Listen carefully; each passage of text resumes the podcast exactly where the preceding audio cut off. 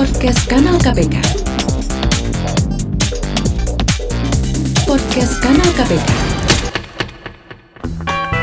Perhatian-perhatian, ini adalah klinik gratifikasi. Ada yang bisa kami bantu?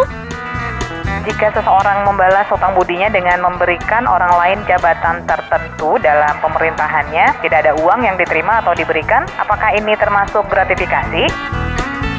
Itu tadi pertanyaan dari Malayati melalui Twitter dan akan langsung dijawab oleh Fitria Nurul Fauzia dari Direktorat Gratifikasi KPK. Silakan.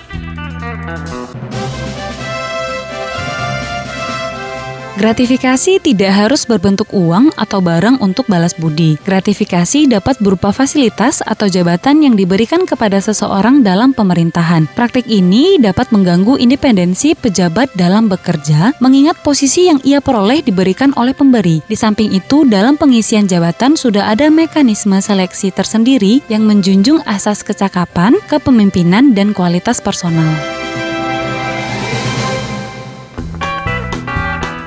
Nah, sekarang udah tahu kan? Segala permasalahan seputar gratifikasi dapat Anda tanyakan kepada kami melalui Twitter di @kanal_kpk dengan hashtag klinik gratifikasi. Sampai jumpa di klinik gratifikasi berikutnya.